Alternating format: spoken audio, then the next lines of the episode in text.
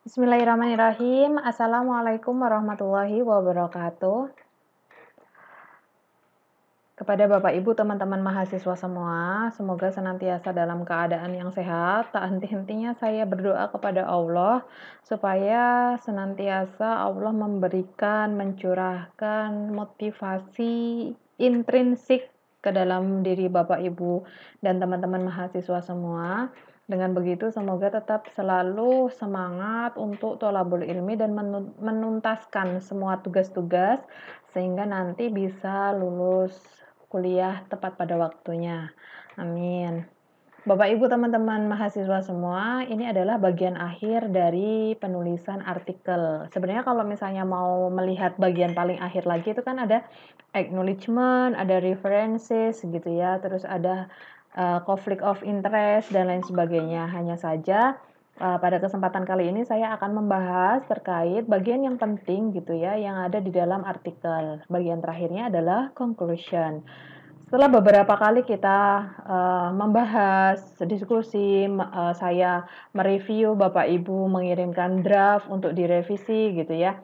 Uh, selanjutnya ini adalah bagian terakhir gitu yang kita akan membahas apa atau sebenarnya conclusion yang perlu kita pahami bersama bahwa yang paling akhir itu adalah kesimpulan ya di mana mana di mana-mana itu adalah kesimpulan atau simpulan gitu ya. Kalau di dalam penulisan karya tulis tesis, tugas akhir mahasiswa, bagian akhir itu adalah simpulan, implikasi, dan saran. Nah, kalau ini hanya ada kesimpulan, conclusion, tetapi tidak menutup kemungkinan di dalam conclusion, beberapa jurnal meminta untuk dituliskan implikasinya, dampaknya gitu ya, impactnya gitu, dan atau saran.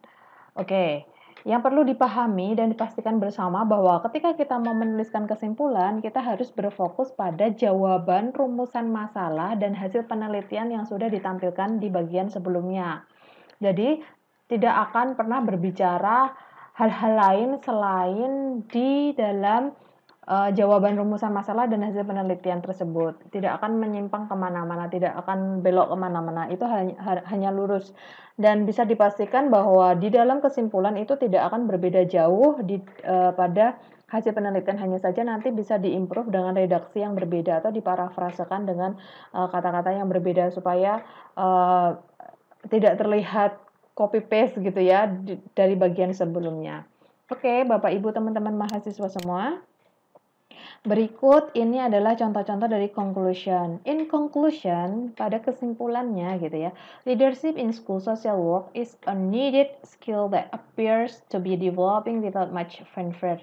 Oke, okay, dia menjelaskan bagaimana terkait dengan leadership in school social work.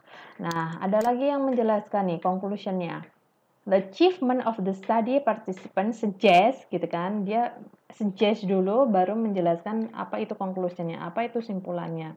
Atau yang selanjutnya ada the this research confirm confirms gitu the important role that community leaders play in improving public health. Jadi ada banyak hal yang bisa diimprove dan itu berkaitan dengan uh, hasil penelitian. Hanya ini saja sebenarnya. Jadi tidak perlu bersusah payah. Ketika Bapak Ibu teman-teman mahasiswa sudah memahami bagaimana caranya menulis sesuai dengan atur, aturan jurnal, nah itu uh, bisa dituliskan. Sebenarnya lebih gampangnya lagi seperti ini. Ketika kita mau submit artikel, kita sudah punya tem gitu ya, tema dan kita mencari jurnalnya sesuai dengan aims and scope dari tema yang kita kita miliki. Nah, Paling enak itu ketika kita sudah punya tema, kita mencari jurnalnya dan kita mencari template.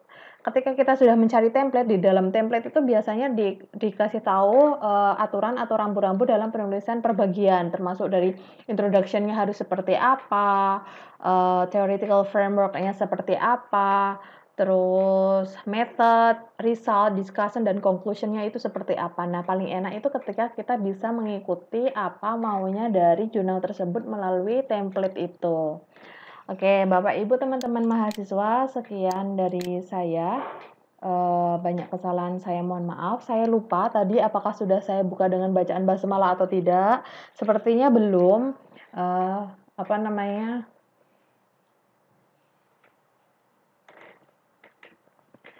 kita tutup dengan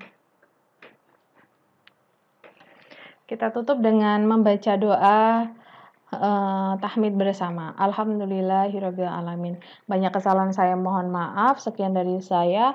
Wassalamualaikum warahmatullahi wabarakatuh.